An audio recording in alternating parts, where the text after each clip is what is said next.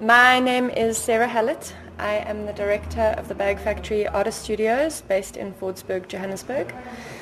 We are uh, primarily a studio space for visual artists. So we have um, 17 studios that full-time practicing artists work out of, like, a, like an office space for artists. And we have a lithography printing studio, which is quite an old-fashioned way of uh, printing. And we are currently celebrating our 25th birthday. We um, have supported, promoted and developed various artists for the last 25 years. And in fact, some of South Africa's most famous names uh, more than likely started their careers here or visited somebody in a studio here because I think we were probably the first of our kind in the country. Wat is in die sak? Wat bied the Bag Factory vir 'n kunstenaar aan? There is a lot of variety, so you can come here and meet a lot of different artists and see a lot of different kinds of works, mediums, ages, techniques, styles. But more importantly than that, I think when you go to an art gallery, you only ever see the product. You don't get to meet the person. And the thing that the Bag Factory really has is the magic behind the art. You get to meet the artist, you get to understand the why they create this work, why this medium, why this topic, why are you political or why are you apolitical, um, where do your interests lie, and see works as they progress. And I think for a lot of people that's, that's a special moment. Hoe ontwikkel hierdie spasie of hoe gaan hierdie spasie ontwikkel word? 25 years ago, this space um, was an old Hessian bag factory. They used to make bags for the vegetable market, which then used to be it where the market theatre was and it was just an open warehouse space. There was no rooms. There was there were pigeons living in the ceiling that used to frequently decorate the artwork. Since then, we have made great strides in providing artists with an infrastructure, a place to come into work to. So each artist has a studio space that they can work from consistently. There's a gallery space that shows off their work. We do a lot of developmental projects in communities both here at the Bag Factory and outside of the Bag Factory. And what we're looking to do is to make our programming bigger. So we want to be able to help more artists and more communities and more Joe public come and see work and um, let them experience the magic of that. And this is a unique opportunity to do this. It's our 25th. We kind of feel like we're a little bit grown up. We're going to get our first job in a way, move out of home. It's that kind of feeling, you know. So where do we go to from here?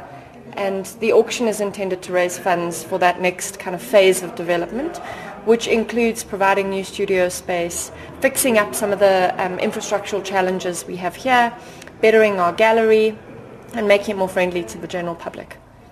Julle werk saam op hierdie projek. Hoe het julle al tevore met Absa gewerk want dit is tevore genoem dat julle wel kunstenaars kry wat uit die Latelier kompetisie kom wat ook hierso kom werk. So I think it was uh, two years ago, Paul and I sat down and he had this idea. It had to do, you know, Barclays came on board with ABSA and they wanted to extend their reach across Africa and that included the competition.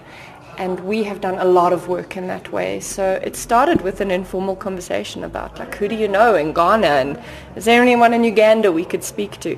Um, and by the end of it, we had been brought on board as um, one of the prize offerings for the L'Atelier competition. And that partnership has slowly developed into a great kind of friendship. We have very similar ways of working. The bank is doing amazing work of educating its clients and people who go through there. And I mean, it's a machine. Thousands of people go through that every day. And it's people we you know, may not necessarily know about the bag factory and come to us. So it's a way for us to leverage getting our name out there with this great supportive partner coming on board. Um, so they're hosting the auction on our behalf. Um, they're not taking anything from the auction. They're helping us in every which way with publicity and media and, you know, helping to get to their audience members. And they've helped us in all kinds of ways. And yeah, I think these kinds of partnerships are very important for organizations like ours going forward. We can't be reliant on only one person or only one government funder. So building these little things, you know, allows all the artists to benefit. As jy sê dat hierdie verdoodskap julle naam meer bekend gaan maak, wat is die doel daar agter? I think that more and more for our artists it's important to know where we are and what we're doing so that people can come here and meet them and know them. Um, you find that a lot of spaces, um, people are intimidated by a lot of spaces. And we try and do the opposite of that kind of space. If you don't know anything about art, you could come in here and learn something. Give me 20 minutes with you, I'll tell you something you don't know. Um, and I think promoting the space as a name because we don't have bag factory artists so all we have to promote is the space right and the individual artists but then there's this legacy and this history and how putting our name out there will help both the artists but also help audience members come and learn something and be involved in a different kind of a way so it's like an interesting cool thing to do you know, if you're looking for something to do in the city, come have a uh, moment at one of our exhibitions. They're free you know, they're fun. Come and meet some artists, see some work, chat to some people without feeling like if you don't buy something, you know, you're not good enough or if you, you, you need a degree to understand what's on the wall. None of that is true.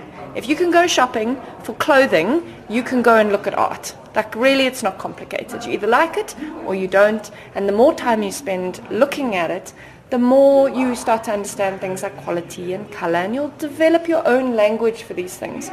So we, we're trying to be that space. We're trying to be the welcoming, come and learn something, come and hang out, do something cool. And in order to do that, we have to promote ourselves as a, as a group, as a space, as a name, as opposed to individual artists.